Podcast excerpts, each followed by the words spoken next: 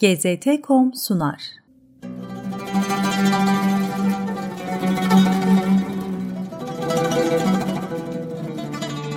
Miraç Kubbesi Emeviler döneminde burada bulunan başka bir kubbenin yerine inşa edilen Miraç Kubbesi, Hazreti Peygamber'in miraca yükselişinin bir hatırası olarak inşa ettiriliyor.